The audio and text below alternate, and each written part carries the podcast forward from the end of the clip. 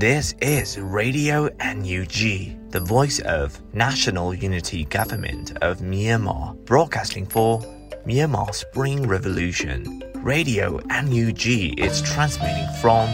shortwave 16 meter 17.79 megahertz at 8:30 a.m. and 25 meter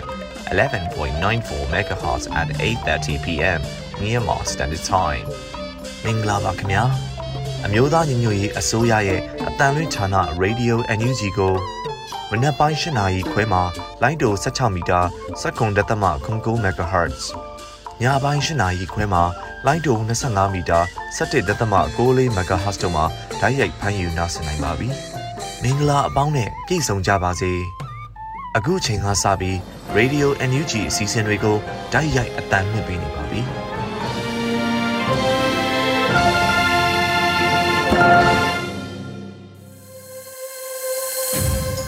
မြန်မာနိုင်ငံသူနိုင်ငံသားအပေါင်းတဘာဝပြီးဆရာနာရှင်ပြီးတို့ကနေကင်းဝေးပြီးကိုစိတ်နှပါဘေးကင်းလုံခြုံကြပါစေလို့ရေဒီယိုအန်ယူဂျီခွဲသားများကဆုတောင်းမြတ်တာပို့သလိုက်ရပါတယ်ရှင်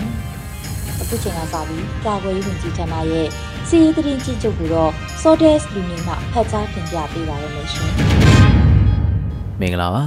အမျိုးသားညီညွတ်ရေးဆိုရာကာကွယ်ရေးဝန်ကြီးဌာနမှထုတ်ဝေတဲ့နိုင်စဉ်စစ်ရေးသတင်းအကျဉ်းချုပ်များကိုစတင်တင်ပြပေးပါမယ်။သတင်းများအရစစ်ကောင်စီတပ်သား9ဦးသေဆုံးပြီး10ဦးဒဏ်ရာရရှိတယ်လို့သတင်းရရှိပါရခင်ဗျာ။စစ်ကောင်စီနဲ့တိုက်ပွဲဖြစ်ပွားမှုများမှာစကိုင်းတိုင်းတွင်စက်တင်ဘာလ19ရက်နေ့မနက်9နာရီခန့်ကမြောင်မြို့နယ်ကြောက်ရရရဲစခန်းကို Wind of the Airwari ချောင်း Revolution Army CDSOM Yan Fighter နဲ့နေမီကန်လုံခြုံရေးအဖွဲ့တွေပူးပေါင်းပြီး drone နှစ်စင်းဖြင့်ဘုံချတိုက်ခိုက်ခဲ့ကြောင်းသတင်းရရှိပါရခင်ဗျာ။ စက်တင်ဘာလ19ရက်နေ့နေ့လယ်3:50မိနစ်ခန့်ကဒဇယ်မြို့နယ်ဒဇယ်မြို့ရွှေတောင်းမင်းစီဆိုင်အနီးကိုရောက်ရှိနေတဲ့စစ်ကောင်စီတပ်သားများနဲ့ပြူစော့တီများကိုပြည်သူ့ကာကွယ်ရေးတပ်မတော်ရွှေဘုံခရိုင်တရင်6ဒဇယ်မြို့နယ်ပကဖားတို့ပူးပေါင်းပြီးပျောက်ကြားဝင်ရောက်ပစ်ခတ်ခဲ့ကြောင်းသတင်းရရှိပါရခင်ဗျာ။စက်တင်ဘာလ18ရက်နေ့မနက်10:00နာရီခန့်ကအရာတော်မြို့နယ်နောင်ကြီးအံရွာရဲစခန်းမှထွက်လာတဲ့အင်အား40ကျော်ပါသောစစ်ကောင်စီတပ်ဖွဲ့ကို ရဲချင်းကျေးရွာအနီးမှာပြည်သူ့ကာကွယ်ရေးတပ်မတော်မုံရွာခရိုင် PDF တရင်6အရာတော်ပကဖာကြောက်စုတပ်ဖွဲ့ကျက်တင်နတ်တပ်ဖွဲ့မြောက်ပိုင်းညီနောင်များ MBAIS နဲ့လော်ဒက်အင်အားစုများမှပူးပေါင်း၍ခြုံကိုတိုက်ခိုက်ခဲ့ရာစစ်ကောင်စီတပ်သား9ဦးသေဆုံးခဲ့ကြောင်းသတင်းရရှိပါရခင်ဗျာ။မန္တလေးတိုင်းတွင်စက်တင်ဘာလ19ရက်နေ့မနက်9:00နာရီခန့်ကစင်ကူးမြို့နယ်စင်ကူးမှာ စစ်ကြောင်းထိုးရအတွက်ချောင်းကြီးကျေးရွာဘက်မှလာတဲ့ဖောကားနှစ်စီးကိုဗိုလ်လင်းယုံအဖွဲ့မှထောက်ကြန့်ကျေးရွာနဲ့ကျွဲပုံးကျေးရွာကြားမှာဗရေဒါမိုင်း10လုံးဖောက်ခွဲတိုက်ခိုက်ခဲ့တာကြောင့်စစ်ကောင်စီတပ်သား10ဦးထိခိုက်ဒဏ်ရာရရှိခဲ့ကြောင်းသတင်းရရှိပါရခင်ဗျာ။ စက်တင်ဘာလ18ရက်နေ့ညနေ9:00နာရီခန့်ကတပိတ်ချင်းမြို့နယ်ချောင်းကြီးရွာအနီးရွှေတူးဖော်ရေးလုပ်ကိုင်နေတဲ့ကုမ္ပဏီမှာငွေပေး၍စီခိုင်းထားသောကြောင့်ဒေသခံပြည်သူများအားရန်ပြုတ်ရန်လာရောက်တဲ့တမ်းမြင့်လေးကျစ်ရေးတပ်73မှစစ်ကောင်စီအုပ်စုကိုဗိုလ်လေးယုံတပ်ဖွဲ့မှကြားပြတ်တိုက်ခိုက်ခဲ့တာကြောင့်ဗိုလ်မှူးမျိုးမင်းဦးအပါအဝင်အရာခံဗိုလ်နှင့်ရင်မောင်းတပ်သား3ဦးသေဆုံးခဲ့ပြီး MA3 နှစ်လက် MA1 တစ်လက် 5.56G 413တောင်6မမကြီး73တောင်အီဂါနာဘုံသီး၈လုံးနဲ့ 5.56G ပေါင်း2ခုတို့ကိုတင်ဆက်ရမိခဲ့တယ်လို့သတင်းရရှိပါရခင်ဗျာပဲခူးတိုင်းတွင်စက်တင်ဘာလ18ရက်နေ့နေ့လယ်12နာရီခန့်ကတောင်ငူမြို့နယ်မှပဲခူးရိုးမသို့ဝင်လာတဲ့စစ်ကြောင်းကိုပြည်သူ့ကာကွယ်ရေးတပ်မတော်တောင်ငူခရိုင်တရင်3501တက်ခွဲ3စနိုက်ပါအဖွဲ့မှအပြန်လန်းမှာစောင်းဆိုင်ပစ်ခတ်ခဲ့ရာစစ်ကောင်စီတပ်သား2ဦးသေဆုံးပြီး2ဦးဒဏ်ရာရရှိခဲ့တယ်လို့သတင်းရရှိပါရခင်ဗျာ စစ်ကောင်စီကျူးလွန်သောရာဇဝတ်မှုများမှာချင်းပြည်နယ်တွင်စက်တင်ဘာလ19ရက်နေ့မနက်9:00နာရီခန့်ကဟာခါမြို့နယ်ဟာခါမြို့ပြည်တော်သာရက်ကွက်မှာနေထိုင်တဲ့မျိုးသမီးငယ်မာစိန်ငွမ်းတချင်ကိုလူမှုကွန်ရက်ပေါ်တွင်ဒေတာကာကွယ်တပ်ဖွဲ့ဝင်များအားထောက်ခံအားပေးတဲ့စာများမျှဝေမှုဆိုသည့်ဆွဆွဲချက်ဖြင့်စစ်ကောင်စီတပ်မှဖမ်းဆီးသွားခဲ့ကြောင်းတင်ရရှိပါရခင်ဗျာ။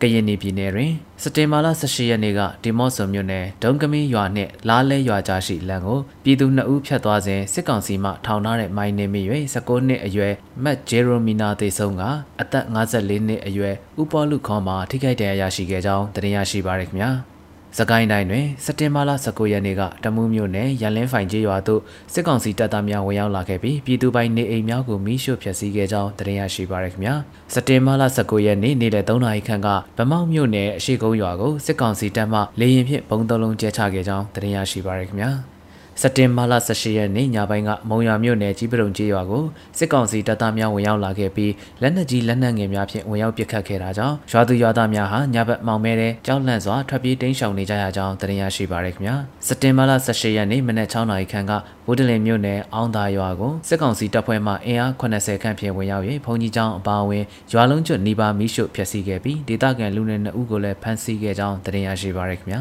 ရန်ကုန်တိုင်းတွင်စက်တင်ဘာလ19ရက်နေ့မနက်10:00နာရီခန့်ကလှိုင်မြို့နယ်73ရပ်ကွက်စေတဝန်ကျောင်းလမ်းကိုစစ်ကောင်စီမှအင်အားအများပြားဖြင့်ဝင်ရောက်၍ပြည်သူတအုပ်ကိုဖမ်းဆီးခဲ့တယ်လို့သတင်းရရှိပါရခင်ဗျာ စက်တင်ဘာလ18ရက်နေ့ကလှိုင်မြို့နယ်73ရပ်ကွက်ဒေဒီမြိုင်လမ်းကိုစစ်ကောင်စီတပ်သားများက DC 3စီးဖြင့်ဗဟိုလမ်း၏အဝင်ကိုပိတ်ချ၍လူငယ်တအုပ်နှင့်အမျိုးသမီး2ဦးကိုဖမ်းဆီးခဲ့ကြောင်းသတင်းရရှိပါရခင်ဗျာယခုဖော်ပြလာသောသတင်းများကိုမြေပြင်သတင်းတာဝန်ခံများနှင့်သတင်းဌာနများမှဖော်ပြလာသောအချက်အလက်များပေါ်အခြေခံပြုစုထားခြင်းဖြစ်ပါတယ်။ကျွန်တော်စောတဲလူနေပါ။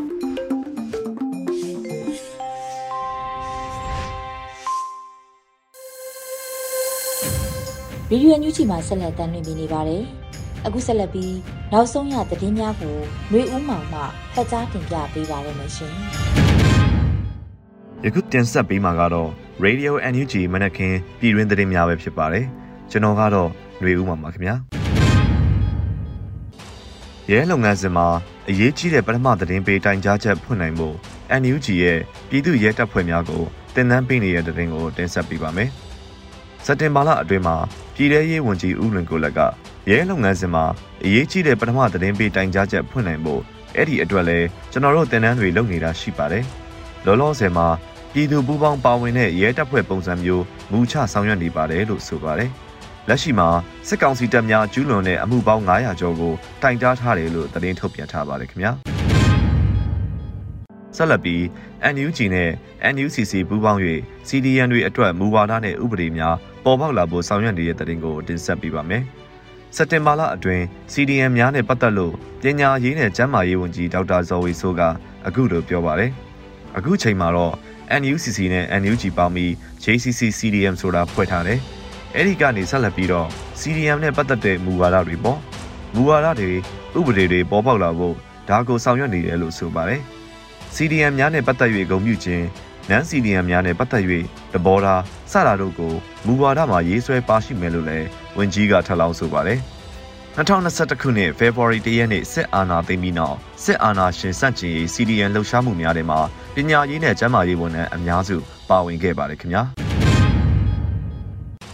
ဆက်လက်ပြီးမြန်မာနိုင်ငံမှာတရားမျှတသောတရားဥပဒေစိုးမိုးခြင်းအလျင်းမရှိတော့ဘူးလို့ပြည်ထောင်စုဝန်ကြီးဒေါက်တာဝင်းမြတ်အေးကပြောကြားလိုက်တဲ့သတင်းကိုတင်ဆက်ပေးပါမယ်။ စက်တင်ဘာ19ရက်လူမှုကွန်ရက်မှာပြည်ထောင်စုဝန်ကြီးဒေါက်တာဝင်းမြတ်အေးကကိုသားသမီးများကိုမိဘများကိုသားချင်းများအဲ့ဒီနာခဏထားစဉ်းစားကြည့်ဒီလောက်ထိရက်ဆက်ကြမ်းကြုတ်တဲ့ဒို့နိုင်ငံမှာတရားမျှတသောတရားဥပဒေစိုးမိုးခြင်းအလျင်းမရှိတော့ကဘာကြီးကအသိစေသားလို့ဆိုပါတယ်။အဆိုပါပြည်အောင်စုဝန်ကြီးပြောကြားချက်ဟာစက်တင်ဘာ16ရက်စကိုင်းတိုင်းတပင်းရင်အရှိချမ်းလက်ရက်ကုန်းကျေးရွာ၌စာတင်နေသောကလေးငယ်များရှိရာဗုဒ္ဓဘာသာယဉ်ကျေးမှုသင်တန်းကျောင်းတို့တိုက်ခတ်ရေးရဟတ်ယာဉ်များနဲ့ ဝေဟင်ကနေပြစ်ခတ်ခဲ့တာကိုရည်ညွှန်းတာဖြစ်ပါတယ်။အဆိုပါအကြမ်းဖက်စစ်တပ်က MI35 စစ်သုံးရဟတ်ယာဉ်နဲ့ပြစ်ခတ်လို့စာတင်ခန်းအတွင်ကလေးငယ်6ဦးသေဆုံးခဲ့ပါတယ်ခင်ဗျာ။ဆက်လက်ပြီးစစ်ရေးအရာတိုက်ခတ်မှုတွေထိတွေ့မှုတွေဖြစ်ပွားတဲ့အချိန်မှာပြည်သူလူထုကိုမထိခိုက်အောင်တတိထားကင်တွယ်ဆောင်ရွက်ရမယ်လို့နိုင်ငံတကာကသတ်မှတ်ချက်တွေရှိတယ်လို့လူခွင့်ရေးရာဝန်ကြီးကဆိုခဲ့တဲ့သတင်းကိုတင်ဆက်ပေးပါမယ်။ လူအခွင့်အရေးစကားသံပညာပေးအစီအစဉ်မှာလူအခွင့်အရေးရာဝန်ကြီးကအခုလိုထည့်သွင်းပြောကြားခဲ့ပါတယ်။မြန်မာနိုင်ငံရဲ့လက်ရှိအခြေအနေမှာလည်းမိမိတို့ရပိုင်ခွင့်အခွင့်အရေးတွေကိုအကြမ်းဖက်လူယူခံနေရတဲ့အတွက်နိုင်ငံတကာကချမှတ်ထားတဲ့လူအခွင့်အရေးဆိုင်ရာရပိုင်ခွင့်များနဲ့အညီလက်နက်ကင်ပြန်လည်ခုခံနေကြတဲ့အခြေအနေဖြစ်ပါတယ်။ဒီလိုစစ်ရေးအရာတိုက်ခိုက်မှုတွေထိတွေ့မှုတွေဖြစ်ပွားတဲ့အချိန်မှာပြည်သူလူထုကိုမထိခိုက်အောင်တတိထားကင်တွယ်ဆောင်ရွက်ရမယ်နိုင်ငံတကာကသတ်မှတ်ထားတဲ့အချက်တွေရှိပါတယ်။ အမျိုးသမီးကလေးတငယ်များတက်ကြီးရွယ်ဦးများကိုကာကွယ်စောင့်ရှောက်ဖို့ဘာသာရေးဆိုင်ရာတာတဏိကအဆောက်အအုံများကျန်းမာရေးစောင့်ရှောက်မှုနေရာများစာသင်ကျောင်းများစတာတွေကိုမထိခိုက်မိအောင်ကာကွယ်စောင့်ရှောက်ရမယ့်စစ်ပွဲဆိုင်ရာသတ်မှတ်ချက်များရှိပါတယ်လို့ဆိုပါတယ်။လက်ရှိမှာအကြမ်းဖက်စစ်တပ်ကသာလေကြောင်းကပြစ်ခတ်တပ်ဖြတ်ခြင်းကြေးရွာများကိုမီးရှို့ဖျက်ဆီးခြင်းတို့လှုပ်ဆောင်လျက်ရှိပြီးတော့တနိုင်ငံလုံးမှာအင်ဂျီအလုံးရေ3000ကျော်ကိုမီးရှို့ခဲ့ပါတယ်ခင်ဗျာဆက်လက်ပြီး ပြည်သူဗဟိုပြုတန်ရန်ဇာတာရှာဖွေတိုင်းတာတူးဖော်ထုတ်လုပ်ရေးကဏ္ဍ၌အန်ရီယကင်းရှင်း၍ထုတ်လုပ်နိုင်ရေးအတွက်အွန်လိုင်းတန်တန်းပို့ချပေးမယ့်အကြောင်းကိုတင်ဆက်ပေးပါမယ်။အမျိုးသားညီညွတ်ရေးအစိုးရပညာရေးဝန်ကြီးဌာနနဲ့တယံဇာတာနဲ့တဘာဝပတ်ဝန်းကျင်ထိန်းသိမ်းရေးဝန်ကြီးဌာနတို့ပူးပေါင်း၍ပြည်သူဗဟိုပြုတယံဇာတာရှာဖွေတိုင်းတာတူးဖော်ထုတ်လုပ်ရေးကဏ္ဍ၌အနေရကင်းရှင်း၍ထုတ်လုပ်နိုင်ရေးအတွက်တင်နန်းဖွင့်လှစ်မှာဖြစ်ပါတယ်။အနာဂတ်ဖက်ဒရယ်ပြည်ထောင်စုတွင်ပြည်သူဗဟိုပြုတယံဇာတာရှာဖွေတိုင်းတာတူးဖော်ထုတ်လုပ်ရေးကဏ္ဍ၌ အန္တရာယ်ကင်းရှင်း၍စနစ်တကျထိရောက်စွာစီမံအုပ်ချုပ်ထုတ်လုပ်နိုင်ရေးအတွက်ခေတ်မီနည်းပညာများကိုကမ္ဘာအရရက်မှမြန်မာပညာရှင်များကအော်တိုဘာလ15ရက်နေ့စနေနေ့မှစတင်ကအွန်လိုင်းသင်တန်းပို့ချပေးသွားမှာဖြစ်တယ်လို့ပညာရေးဝန်ကြီးဌာနကဖော်ပြပါတယ်။သင်တန်းမှာ Certification Course for Exploration and Production Geologist ဖြစ်၍သင်တန်းကာလ15ရက်10လ2022ခုနှစ်မှ28ရက်10လ2022ခုနှစ်အထိ အပတ်စဉ်စနေတနင်္ဂနွေတင်နန်းချိန်မြန်မာစံတော်ချိန်ည9:00နာရီမှည9:00နာရီအထိတင် जा ပေးမှာဖြစ်ပါတယ်။တင်နန်းတက်ရောက်လူသူများသည်အော်တိုဘာလ9ရက်နေ့နောက်ဆုံးထား၍စည်ရင်းပေးသွင်းရမယ်လို့ဆိုပါတယ်ခင်ဗျာ။ဆက်လက်ပြီးတော့စက်ကောင်စီရဲ့အခြေခံအုပ်ချုပ်ရေးရန်နေရာများလဲပတ်နိုင်စွာမရှိတော့ကြောင်းအစီရင်ခံစစ်တမ်းထွက်ပေါ်လာတဲ့သတင်းကိုတင်ဆက်ပေးပါမယ်။ အုပ်ချုပ်ရေးလုံခြုံရေးနဲ့တရားမျှတမှုရရှိရေးရှာဖွေမှုအခြေအနေစစ်တမ်းအစီရင်ခံစာကိုလွတ်လပ်သောမြန်မာသူတေသီများအဖွဲ့ကထုတ်ပြန်ခဲ့ပါတယ်။စစ်တမ်းအရစစ်ကောင်စီရဲ့အုပ်ချုပ်ရေးရန်တရားလဲပတ်မှုအခြေအနေမှာအကြမ်းဖျင်းအဖြစ်ရက်ကွက်ခြေရွာအုပ်ချုပ်ရေးမှုရုံများ29ရာခိုင်နှုန်းသာလဲပတ်နိုင်တော့ပြီးမြို့နယ်အုပ်ချုပ်ရေးမှုရုံများမှာ28ရာခိုင်နှုန်းသာလဲပတ်နိုင်တော့တယ်လို့ဖော်ပြပါတယ်။လွတ်လပ်သောသူတေသီများအဖွဲ့ မြန်မာ MIR က2022ခုနှစ်ဩဂတ်စ်လ1ရက်နေ့မှ25ရက်နေ့အထိကောက်ခံခဲ့သောအုပ်ချုပ်ရေးလုံခြုံရေးနဲ့တရားမျှတမှုရရှိရေးရှာဖွေမှုအခြေအနေစစ်တမ်းအစီရင်ခံစာကိုထုတ်ပြန်ချက်အရစစ်တမ်းများကိုသိရှိရပါတယ်။တိုင်းနယ်ပြည်နယ်မှဖြည့်ဆူသူလူပေါင်း259ဦးရှိခဲ့ပြီးတော့အွန်လိုင်းမှာစစ်တမ်းကောက်ယူခဲ့ခြင်းဖြစ်ပါတယ်။ အစီရင်ခံစာတွင်စစ်တမ်းဖြေစုခဲ့သူတို့၏မြို့နယ်များမှရက်ကွက်ကျေးရွာအုပ်ချုပ်ရေးအခြေအနေများတရားဥပဒေစိုးမိုးရေးနှင့်လုံခြုံရေးရက်ရွာတည်ငြိမ်အေးချမ်းရေးကိုထိခိုက်စေနိုင်သည့်ပြည်ပကအငင်းပွားမှုများနဲ့ရာဇဝတ်မှုဖြစ်ပွားမှုအခြေအနေများရင်းတို့ကိုအကင်တွယ်ဖြေရှင်းနေကြပုံများနဲ့ရင်းအခြေအနေများအပေါ်ပြည်သူများ၏သဘောထားအမြင်များကိုစုစည်းတင်ပြထားပါတယ်ခင်ဗျာဆက်လက်ပြီး ရခိုင်တပ်တော် AA ထံလက်နက်နဲ့အတူအလင်းဝင်ခိုးလုံလာတဲ့အကြမ်းဖက်စစ်တပ်ကအင်အားရာခဏတိရှိလာတဲ့တဲ့တင်ကိုတင်ဆက်ပေးပါမယ်။စက်တင်ဘာ19ရက်သတင်းစာရှင်းလင်းပွဲမှာ ULA-AA ပြောရေးဆိုခွင့်ရှိသူခိုင်တုခကပလက်ဝဘက်မှာအကြမ်းဖက်စစ်တပ်ဘက်ကအရာရှိအပါအဝင်လက်နက်ယူလာပြီးပူးပေါင်းလာတာ10ယောက်ရှိပါတယ်။အားလုံးအခုချိန်ထိအရေးအတွက်အားဖြင့်ဆိုရင်ရာခဏအထိရှိပြီဖြစ်ပါတယ်လို့ဆိုပါတယ်။ရခိုင်ပြည်နယ်မှာဘူဒီတောင်မောင်တော်နဲ့ညောင်ဦးတို့မှာတိုက်ပွဲများဖြစ်ပွားခဲ့ပါတယ်။ဒါအပြင် ရခိုင်ပြည်နယ်မှာအေးအေးရခိုင်တပ်တော်ရဲ့နယ်မြေစိုးမိုးမှုဟာဧရိယာပိုကျယ်လာပြီလို့လည်းဆိုထားပါတယ်ခင်ဗျာဆက်လက်ပြီးမိုးပြဲတိုက်ပွဲစစ်ကောင်စီတပ်များကအပြစ်မဲ့ပြည်သူလူထုတရားဥခန့်အားတစားကန်လူသားတိုင်းအဖြစ်အသုံးပြုခဲ့တဲ့တဲ့ရင်ကိုတင်ဆက်ပေးပါမယ်ခင်ဗျာစက်တင်ဘာလ19ရက်နေ့မနက်တနာရီအချိန်ခန့်တွင်မိုးပြဲမြို့ပေါ်သို့တာဝေးပြည့်လက်နက်ကြီးများနဲ့စတင်ပစ်ခတ်ခဲ့တယ်လို့မိုးပြဲ PDF ကဆိုပါတယ်။ လက်ရှိသတင်းထုတ်ပြန်တဲ့အချိန်ထိအကြမ်းဖက်စစ်ကောင်စီများမှစက်တော်ရဘုံကြီးကျောင်းနဲ့မွေတော်ဘုံကြီးကျောင်းတို့တွင်အပြစ်မဲ့ပြည်သူလူထုတရားဥကန်အားတစားကန်လူသားတိုင်းအဖြစ်အသုံးပြုရရှိတယ်လို့ဆိုပါတယ်။အကြမ်းဖက်စစ်ကောင်စီတပ်ဟာစက်တင်ဘာလ19ရက်နေ့မနက်တနာရီအချိန်တွင်မိုးပြဲမြို့ပေါ်သို့တာဝေးပြစ်လက်နက်ကြီးများဖြင့်စတင်ပစ်ခတ်လာခဲ့ပါတယ်။မနက်2နာရီအချိန်တွင်စစ်ကောင်စီများမှစစ်ကြောင်းနှစ်ကြောင်းဖြင့်မိုးပြဲမြို့ထဲသို့ဝင်ရောက်လာခဲ့ရာမဟာမိတ်တပ်ပေါင်းစုများဖြစ်ကြသောမိုးပြဲ PDF ဖဲကုံ PDF Lycor PDF အလဲပိုင်းတိုင်းစစ်ဌာနချုပ်1107တက်ရင်ဒမော့ဆို PDF နေပြည်တော် PDF KNDF KA KGZ URF များနဲ့တိုက်ပွဲဖြစ်ခဲ့တယ်လို့ဆိုပါတယ်။တိုက်ပွဲတွင်စစ်ကောင်စီဘက်မှအထိခိုက်ကြဆုံးမှုများရှိတော်လဲအရေးအတွက်ကိုအတိမပြုနိုင်သေးပဲတာဝဲဖြစ်လက်နက်ကြီးများနဲ့တင်ကားများဖြင့်အစမတန်လွန်စွာပစ်ကူမှုများကြောင့်ပူးပေါင်းအဖွဲ့မှစိုးရိမ်ရတဲ့အတိုင်းအတအူးရရှိပြီးတောင်ဝန်ထမ်းဆောင်ရင်ရဲဘော်2ဦးမှာຫນွေဦးဒေါ်လာရေးအတွက် အသက်ဆက်သေးခဲ့ရပါတယ်လို့ဖော်ပြပါတယ်ခင်ဗျာနောက်ဆုံးသတင်းအရထီးလင်းမြို့နယ်အညာတော်ကျေးရွာစာတင်ကျောင်းတွင်တပ်ဆွဲထားသောစက်ကောင်စီနှင့်ထိတွေ့တိုက်ပွဲဖြစ်ပွားခဲ့တဲ့သတင်းကိုတင်ဆက်ပေးပါမယ်စက်တင်ဘာ19ရက်မှာစစ်ရေးသတင်းကိုတပ်ပေါင်းစု KKG ရင်း9ကအခုလိုဖော်ပြခဲ့ပါတယ်စက်တင်ဘာ18ရက်နေ့ညနေပိုင်းထီးလင်းမြို့နယ်အညာတော်ကျေးရွာစာတင်ကျောင်းတွင်တပ်ဆွဲထားသောစက်ကောင်စီနှင့်ထိတွေ့တိုက်ပွဲဖြစ်ခဲ့ပါတယ်အကြအဆုံးအထီးကိုက်မသိရသေးပါဘူးလို့ဆိုပါတယ် တပ်ပေါင်းစု KKG ရင်း9 YDF ရင်း14 PDF ထီလင်းတောင်ပိုင်းတက်ခွဲ9 YPDF မှအထီးအခိုက်မရှိပြန်လည်ဆုတ်ခွာလာနိုင်ခဲ့ပါတယ်။ပြည်သူများအနေဖြင့်စစ်ကြောင်းနဲ့ဝေးဝေးရှောင်ပေးကြရန်တတိပေးအပ်ပါတယ်လို့ဆိုပါတယ်။အခုတင်ပြပေးခဲ့တဲ့သတင်းတွေကို Radio NUG သတင်းတော်မင်းမင်းကပေးပို့ထားတာဖြစ်ပါတယ်ခင်ဗျာ။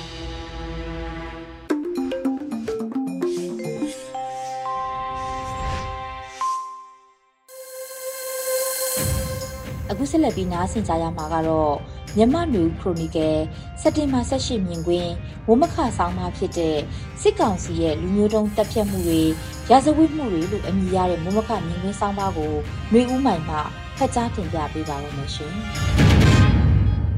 စစ်ကောင်စီလူမျိုးတုံးတပ်ဖြတ်မှုတွေစစ်ရာဇဝတ်မှုတွေဆိုတဲ့အကြောင်းကိုဖတ်ကြားပေးပါမယ်ပြီးခဲ့တဲ့သတင်းပတ်ကတိုက်ပွဲတပ်ဖြတ်မှုဟန်စီမှုတေဆုံးမှုသတင်းတွေ အနည်းငယ်တိတ်ဆိတ်နေခဲ့တဲ့စကိုင်းတိုင်းထဲကမြို့နယ်တွေရဲ့သတင်းကစက်တင်ဘာ16ရက်မှာတော့စစ်တပ်ကဝင်ရောက်ပစ်ခတ်မှုကြောင့်ဒီပဲရင်မြို့နယ်ကလက်ရက်ကုန်းကျေးရွာဖုန်ကြီးကျောင်းဝင်းထဲဖွင့်ထားတဲ့စာတင်ကျောင်းကကလေးသူငယ်လေးဦးသေးဆုံးတဲ့သတင်းအဆိုပါနေ့မှာပဲဒဇယ်မြို့နယ်ထဲမှာလဲအုတ်ဖို့အာရွာကိုစစ်ကောင်စီတပ်တွေဝင်ရောက်ပြီးကျေးရွာသား၁၀ဦးခန့်တပ်ဖြတ်ခံရပြီးအသက်ဆုံးရှုံးခဲ့ရတဲ့အဖြစ်ပြက်ဖြစ်ပွားခဲ့ပါတယ်။ စစ်ကောင်စီတပ်ကရဟရင်နဲ့လာရောက်ကပြစ်ခတ်ပြီးနောက်စစ်ကောင်စီတပ်သားတွေဝင်ရောက်ကဖမ်းဆီးတာပြစ်ခတ်တာတွေလည်းရှိခဲ့လို့ဒီပဲရင်မြို့နယ်တွေကဓမယန်တီဘုံတော်ကြီးကြားမှာဖွင့်လှစ်ထားတဲ့ကိုထုကိုထစာတင်ကျောင်းက6နှစ်အရွယ်ကလေးငယ်တွေကြီးထိမှတေဆုံးကြရတာဖြစ်ပါတယ်။ကိုထုကိုထစာတင်ကျောင်းကိုဘာကြောင့်စစ်ကောင်စီကပြစ်မှတ်ထားတိုက်ခိုက်တယ်လဲဆိုတာရှင်းရှင်းလင်းလင်းမသိရပေမဲ့ အရွယ်မရောက်သေးတဲ့6နှစ်အရွယ်ចောင်းသားကလေးသူငယ်တွေအသက်ဆုံးရှုံးရတဲ့အဖြစ်ကစစ်ရာဇဝတ်မှုဆိုတာငင်းလို့မရတဲ့အချက်ဖြစ်ပါတယ်။စာတင်ကျောင်းကိုပြစ်ခတ်တာစာတင်ကျောင်းကကလေးသူငယ်တွေကိုအသက်ဆုံးရှုံးသည့်အထိပြစ်ခတ်တဲ့ဖြစ်ရပ်တွေဟာဘလို့ပဲအကြောင်းပြချက်စင်ချေပေးစီကမူခွင့်လွတ်လို့မရတဲ့အဖြစ်ပြက်ဖြစ်ပြီးစစ်ကောင်စီကကျူးလွန်တဲ့စစ်ရာဇဝတ်မှုတွေနဲ့ကြီးလေးတဲ့ပြစ်မှုလို့ဆိုရမှာဖြစ်ပါတယ်။ စစ်ကောင်စီအနေနဲ့ဒီလိုပြစ်မှုတွေကျူးလွန်ခဲ့တာတခုမကရှိနေပြီမို့ထူးပြီးအပြစ်မလေးတော့ဘူးလို့၎င်းတို့အနေနဲ့ယူဆကောင်းယူဆပါလိမ့်မယ်။သို့ပင်မဲ့ဒီလိုဖြစ်ရက်တွေကပြည်သူလူထုရဲ့နာကြီးမှုကိုပုံမနစ်ဆိုင်စေပြီး PDF တွေပုံမအားကောင်းလာစေမှာဖြစ်ပါတယ်။စကိုင်းတိုင်းထဲကကြေးရွာအတော်များများမှာကြေးရွာအလိုက်သို့မဟုတ်ဒေသအလိုက်ကာကွယ်တပ်ဖွဲ့တွေဖွဲ့စည်းထားကြပေမဲ့ စစ်ကောင်စီတပ်တွေဝင်မလာနိုင်လောက်အောင်မြေပြင်လေးချောင်းကကာကွယ်နိုင်တဲ့အနေအထားတော့မဟုတ်သေးပါဘူးစစ်ကောင်စီတပ်တွေအနေနဲ့အရင်ကမြေပြင်ကသာဝင်ရောက်လာကြပေမဲ့မိုက်ဆွဲခံရတာတွေကြောင့်နောက်ပိုင်းမှာတရင်အချက်လက်ရဖို့စ조사ပြီးလေချောင်းကလာရောက်ကပြစ်ခတ်စီးနေတာမျိုးဖြစ်လာတဲ့သဘောဖြစ်ပါတယ်မကြာခင်လတွေကဖြစ်ပျက်ခဲ့တဲ့ရင်ပေါင်တိုင်းကျေးရွာအဖြစ်ပြက်မှာလဲချင်းကာကွယ်ရေးအဖွဲ့တွေခရီးထောက်နာတဲ့အကြောင်းသတင်းရပြီး လေကြောင်းကလာရောက်ပြစ်ခတ်စီးနေရမှာတေဆုံးမှုတွေဖျက်ဆီးခံရမှုတွေရှိခဲ့တာဖြစ်ပါတယ်။ခုနောက်ပိုင်းမှာစစ်ကောင်စီအနေနဲ့ PDF တပ်ဖွဲ့တွေကိုတရွာဝင်တရွာထွက်ရှာဖွေတိုက်ခိုက်နိုင်ဖို့တဲ့တရင်ရတဲ့အခါမျိုးတေချတယ်လို့ယူဆရတဲ့အခါမျိုးနေရာမျိုးမှာမှလေကြောင်းကိုတုံပြီးပြစ်ခတ်တာရဟညင်တဲ့စစ်ကောင်စီတပ်တွေချပြီးဝင်ရောက်စီးနှင်ဖို့ကိုပို့ပြီးလှုပ်လာကြတာဖြစ်ပါတယ်။အင်အားအကျဆုံးများလာတဲ့အတွက် ရခင်နှစ်ကုန်ပိုင်းနဲ့ဒီနှစ်အစောပိုင်းကနီးပြူဟာတွေနဲ့မတူတော့ဘဲအခုလိုနီးပြူဟာပြောင်းလဲလိုက်တာလို့ယူဆရပါတယ်စစ်ကောင်စီအနေနဲ့ကရင်ပြည်နယ်မြဝတီကော့ကရိတ်ကြာအင်းစိတ်ကြီးကြောက်ကြီးဖာပွန်တို့လိုဒေသမှာ PDF ပူပေါင်းပါဝင်တဲ့ KNU လက်နက်ကိုင်အဖွဲ့တွေနဲ့တိုက်ခိုက်နေရသလိုတရားပြည်နယ်ရှမ်းပြည်နယ်အဆက်မိုးပြဲဖေခုံဒီမော့ဆိုတို့လိုမှာလဲမကြာခဏတိုက်ပွဲတွေဖြစ်ပွားနေသလိုကချင်ပြည်နယ်အဆက်ပေါ်လင်းကတာ အင်းတော်တို့မှာလည်းတိုက်ပွဲတွေမကြာခဏဖြစ်ပွားနေတာဖြစ်ပါတယ်။လက်ရှိအချိန်ပြင်းထန်လာတဲ့နောက်စစ်မျက်နှာတစ်ခုကတော့ရခိုင်ပြည်နယ်မြောက်ပိုင်းမောင်တော်ဦးတီတောင်ပလက်ဝဒေသတွေဖြစ်ပါတယ်။စစ်ကောင်စီအနေနဲ့တနင်္ဂနွေလုံးကိုလက်နက်နဲ့ထိန်းထားနိုင်တယ်ဆိုတဲ့သွမျိုးပြသချင်တာတနေရာမှာတိုက်နေတဲ့အချိန်အခြားတနေရာမှာမတိုက်နိုင်ဘူးဆိုတဲ့သဘောမျိုးကောက်ချက်မချအောင်နိုင်ငံရဲ့ဒေသအများပြားမှာတပြိုင်နက်တည်းတိုက်နိုင်နေဆိုတဲ့အမြင်ကို ပြချင်ပုံရတယ်လို့ခံမှန်းရပါတယ်။တေချာတာတစ်ခုကတော့မြန်မာနိုင်ငံက2021ခုနှစ်စစ်အာဏာသိမ်းမှုပြီးတဲ့နောက်စစ်တပ်နဲ့ပြည်မအစိုးရကအရင်အရင်ထိန်းချုပ်ထားတဲ့နေနမိတ်တွေအတိုင်းဆက်လက်တည်ရှိဖို့အလားလာနေသွားပြီလို့ဆိုရမှာပါ။တိုင်းသားပြည်နယ်အချို့ရဲ့အနာဂတ်ကပေါ်ပေါ်ထင်ထင်ကြီးညာတဲ့ Confederate လားသို့မဟုတ်မကြီးညာပေမဲ့ လက်တွေ့မှာ Confederate ပြည်နယ်တွေအဖြစ်ဦးတည်နေပြီးအဲ့ဒီပါနယ်ရောက်ဖို့အများဆုံးနှစ်အနည်းငယ်ဖြစ်ကောင်းဖြစ်ပါလိမ့်မယ်။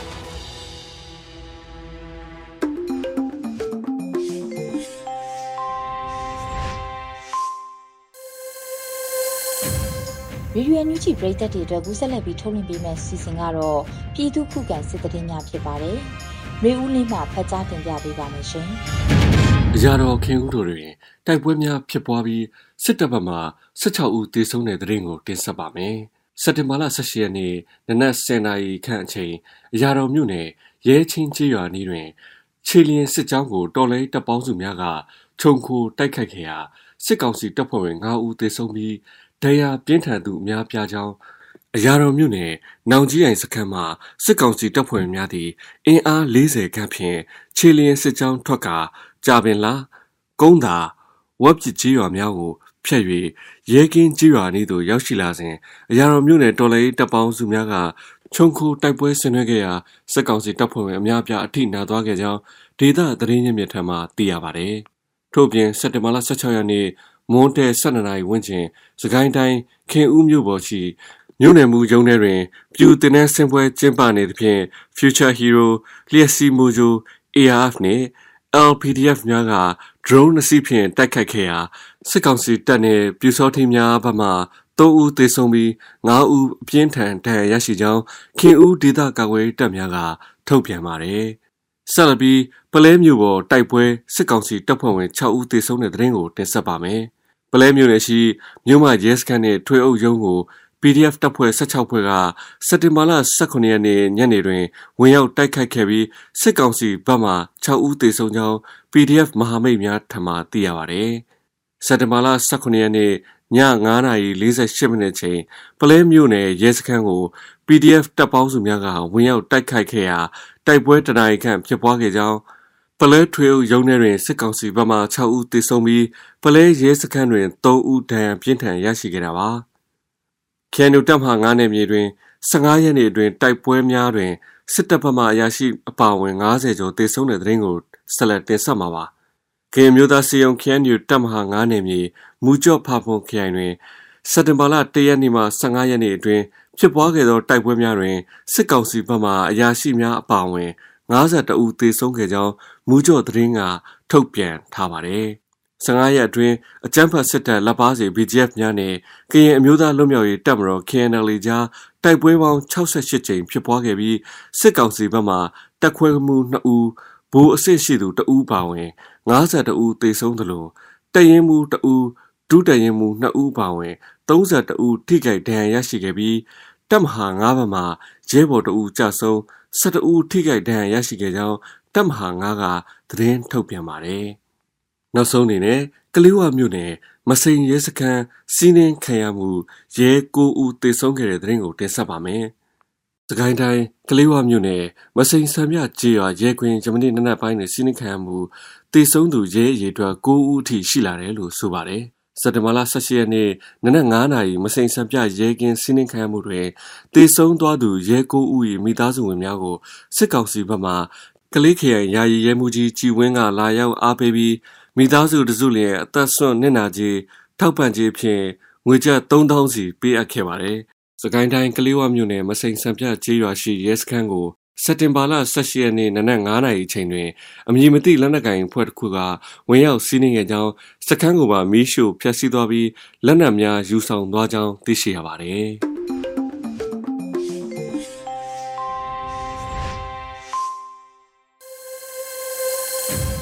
ရေဒီယိုညူချီမှာဆက်လက်တမ်းလွှင့်ပေးနေပါတယ်။အခုဆက်လက်ပြီး PPTV ရဲ့နေ့စဉ်သတင်းများကိုထက်ထက်အင်ဒရာအောင်မှဖတ်ကြားတင်ပြပေးပါရမရှင်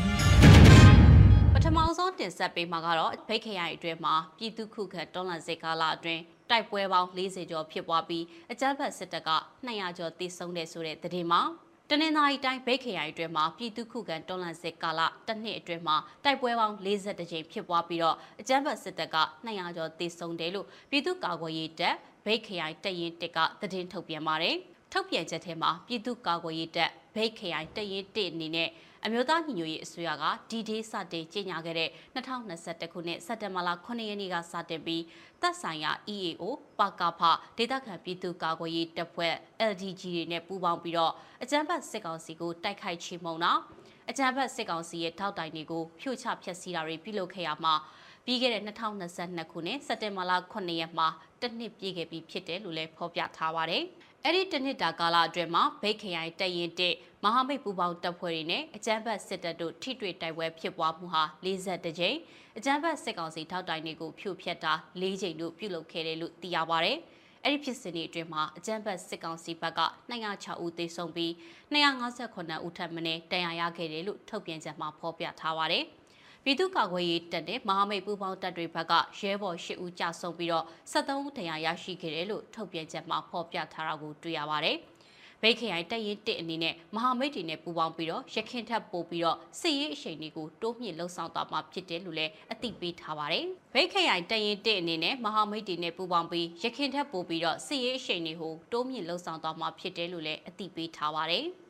ဆလတ်တင်ဆက်ပေးမှာကတော့ဘုတလင်မှာအကြမ်းဖက်စစ်တပ်ကပြည်သူတအုပ်ကိုတပ်ပြီးနေအိမ်တွေနဲ့ဖုန်ကြီးကျောင်းကိုပါမိရှို့ဖျက်ဆီးလိုက်တဲ့တဲ့တင်မှာစကိုင်းတိုင်းဘုဒ္ဓလီမြို့နယ်အတွင်းကကြေးရွာတွေကိုအကြမ်းဖက်စစ်တပ်ကစစ်ကြောင်းထိုးဝင်ရောက်ပြီးတော့တစားကန်အဖြစ်ခေါ်ထားတဲ့ပြည်သူတအုပ်ကိုတပ်ဖြတ်ပြီးကြေးရွာအတွင်းကနေအိမ်တွေနဲ့ဖုန်ကြီးကျောင်းတွေကိုပါမိရှို့ဖျက်ဆီးမှုတွေပြုလုပ်ခဲ့တာပါ။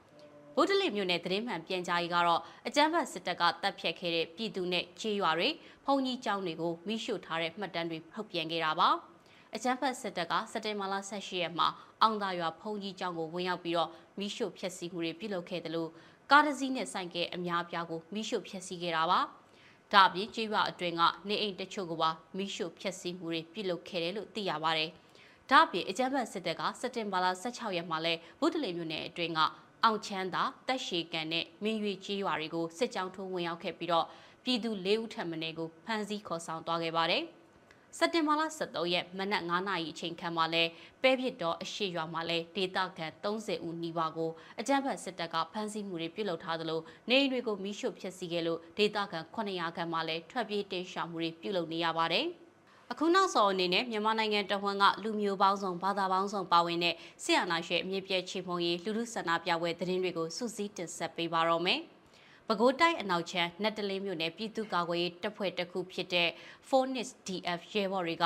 ကုလသမဂ္ဂမှာတာမန်ကြီးဥကြုံမှုထုံကိုဆက်လက်ခံထားဖို့ဒီကနေ့မှဆန္ဒပြတောင်းဆိုခဲ့ပါတယ်။ဆန္ဒပြရဲဘော်တွေက support ဥကြုံမှုထုံ Ambassador to the UN for Myanmar UN Proof Your Existence for Justice ဆိုတဲ့စာသားတွေကိုကိုင်ဆောင်ပြီးတော့ဆန္ဒထုတ်ဖော်ခဲ့တာဖြစ်ပါတယ်။စောဒေတာမှာတော်လန်ပြည်သူထောင်ပေါင်းများစွာကအမျိုးသားညီညွတ်ရေးအစိုးရ NUG ကိုအစိုးရအဖြစ်အတိအမှတ်ပြုရေးနဲ့ဥကြုံမိုးထုံကိုတပ်အမတ်ဖြစ်ဆက်လက်ထားရှိရေးဆန္ဒပြတပိတ်ကိုဒီကနေ့မှပြုလုပ်ခဲ့ပါတယ်။ စောမြို့နယ်ဒေသခံပြည်သူတွေက accept NUGN our ambassador ဦးကျော်မှုထွန်း reject dictator ဆိုတဲ့စာသားကိုကင်ဆောင်ပြီးတော့ NUG ကိုအစိုးရအဖြစ်အတိအမှတ်ပြုရေးနဲ့မြန်မာနိုင်ငံဆိုင်ရာကုလသမဂ္ဂအဖြစ်ဦးကျော်မှုထွန်းကိုဆက်လက်ထားရှိရေးချီတက်ဆန္ဒပြခဲ့တာပါကချင်ပြည်နယ်ဖားကတ်မြို့အတွင်းပင်မဖားကတ်တပိတ်စစ်ကြောင်းကကုလသမဂ္ဂဆိုင်ရာမြန်မာတပ်အမတ်ကြီးဦးကျော်မှုထွန်းတန်တမန်ရာထူးဆက်လက်ထားရှိရေးနဲ့အကြမ်းဖက်ဆီယနာရှင်အမြင့်ပြည့်ချေမှုရေးဆန္ဒပြတပိတ်ကိုဒီကနေ့မှပြုလုပ်ခဲ့ပါတယ်။ ဆန္ဒပြတော်လှန်ပြည်သူတွေကအရေးတော်ပုံကြီးအောင်ဖို့ရာပြည်ရင်းပြည်ပပြိုင်တူတွန်းကြအကြမ်းဖက်စစ်တပ်အမြင့်ဖြတ်ဖို့ထိုးစစ်တိုက်စစ်အရှိန်ဟုန်မြင့်ကြဆိုတဲ့စာသားတွေကိုကင်ဆောင်ပြီးတော့အမှန်တရားဘက်ကရက်တည်တဲ့တာမတ်ကြီးဦးကျော်မှုထုံကိုထောက်ခံကြောင်း KIA PDF တိုက်ပွဲတိုင်းမှာနိုင်ပါစေ NUG အစိုးရတို့အစိုးရဖက်စစ်စစ်တပ်အမြင့်ဖြတ်စတဲ့ကြွေးကြော်တန်းတွေနဲ့ချီတက်ခဲ့တာပါရင်းမှတ်ပင်စလင်ကြီးရွာပေါင်းစုံတပိတ်ကတော့958ရက်မြောက်ဖြစ်တဲ့ အကြမ်းဖက်စစ်တပ်ကြာရှုံးရေးဆန္ဒပြတပိတ်ကိုပြုလုပ်ခဲ့ပါတယ်။ဆန္ဒပြတော်လှန်ပြည်သူတွေက accept NUG and our ambassador reject dictator ဆိုတဲ့စာသားကိုကင်ဆွဲပြီးတော့အကြမ်းဖက်စစ်တပ်ကြာရှုံးရေးဟစ်ကြွေးမှုတွေနဲ့ချီတက်ခဲ့တာပါ။ဒါကတော့စက်တင်ဘာလ19ရက်နေ့သတင်းတွေနဲ့အတူလူလူဆန္ဒပြပွဲသတင်းတွေကိုစူးစီးတင်ဆက်ပေးခဲ့တာပဲဖြစ်ပါတယ်။ကျေးဇူးတင်ပါတယ်ရှင်။ Radio NUG ဒီကနေ့ကတော့ဒီညနေပဲ Radio NUG ရဲ့အစည်းအဝေးကိုခਿੱတရရနိုင်လိုက်ပါမယ်။ မြန်မာစံတော်ချိန်မနက်၈နာရီခွဲနဲ့ည၈နာရီခွဲအချိန်တွေမှာပြန်လည်ဆုံးဖြတ်ကြပါစို့ Radio NUG ကိုမနက်ပိုင်း၈နာရီခွဲမှာလိုင်းဒို16မီတာစက္ကန့်တသမ9 MHz ညပိုင်း၈နာရီခွဲမှာလိုင်းဒို25မီတာ17သမ6 MHz တို့မှာဓာတ်ရိုက်ဖမ်းယူနားဆင်နိုင်ပါပြီမြန်မာနိုင်ငံသူနိုင်ငံသားများကိုစိတ်နှပြကျန်းမာချမ်းသာလို့ဘေးကင်းလုံခြုံကြပါစေလို့ Radio NUG အဖွဲ့သူအဖွဲ့သားများကဆုတောင်းလိုက်ရပါတယ်။အမျိုးသားညီညွတ်ရေးအစိုးရရဲ့စက်သွေးရေးတရင်အချက်အလက်နဲ့ဤပညာဝန်ကြီးဌာနကထုတ်လွှင့်နေတဲ့ Radio NUG ဖြစ်ပါတယ်။ San Francisco Bay Area အခြေစိုက်မြန်မာမိသားစုများနဲ့နိုင်ငံတကာကစေတနာရှင်များလှုပ်အားပေးများရဲ့ Radio NUG ဖြစ်ပါတယ်။အရေးတော်ပုံအောင်ရမည်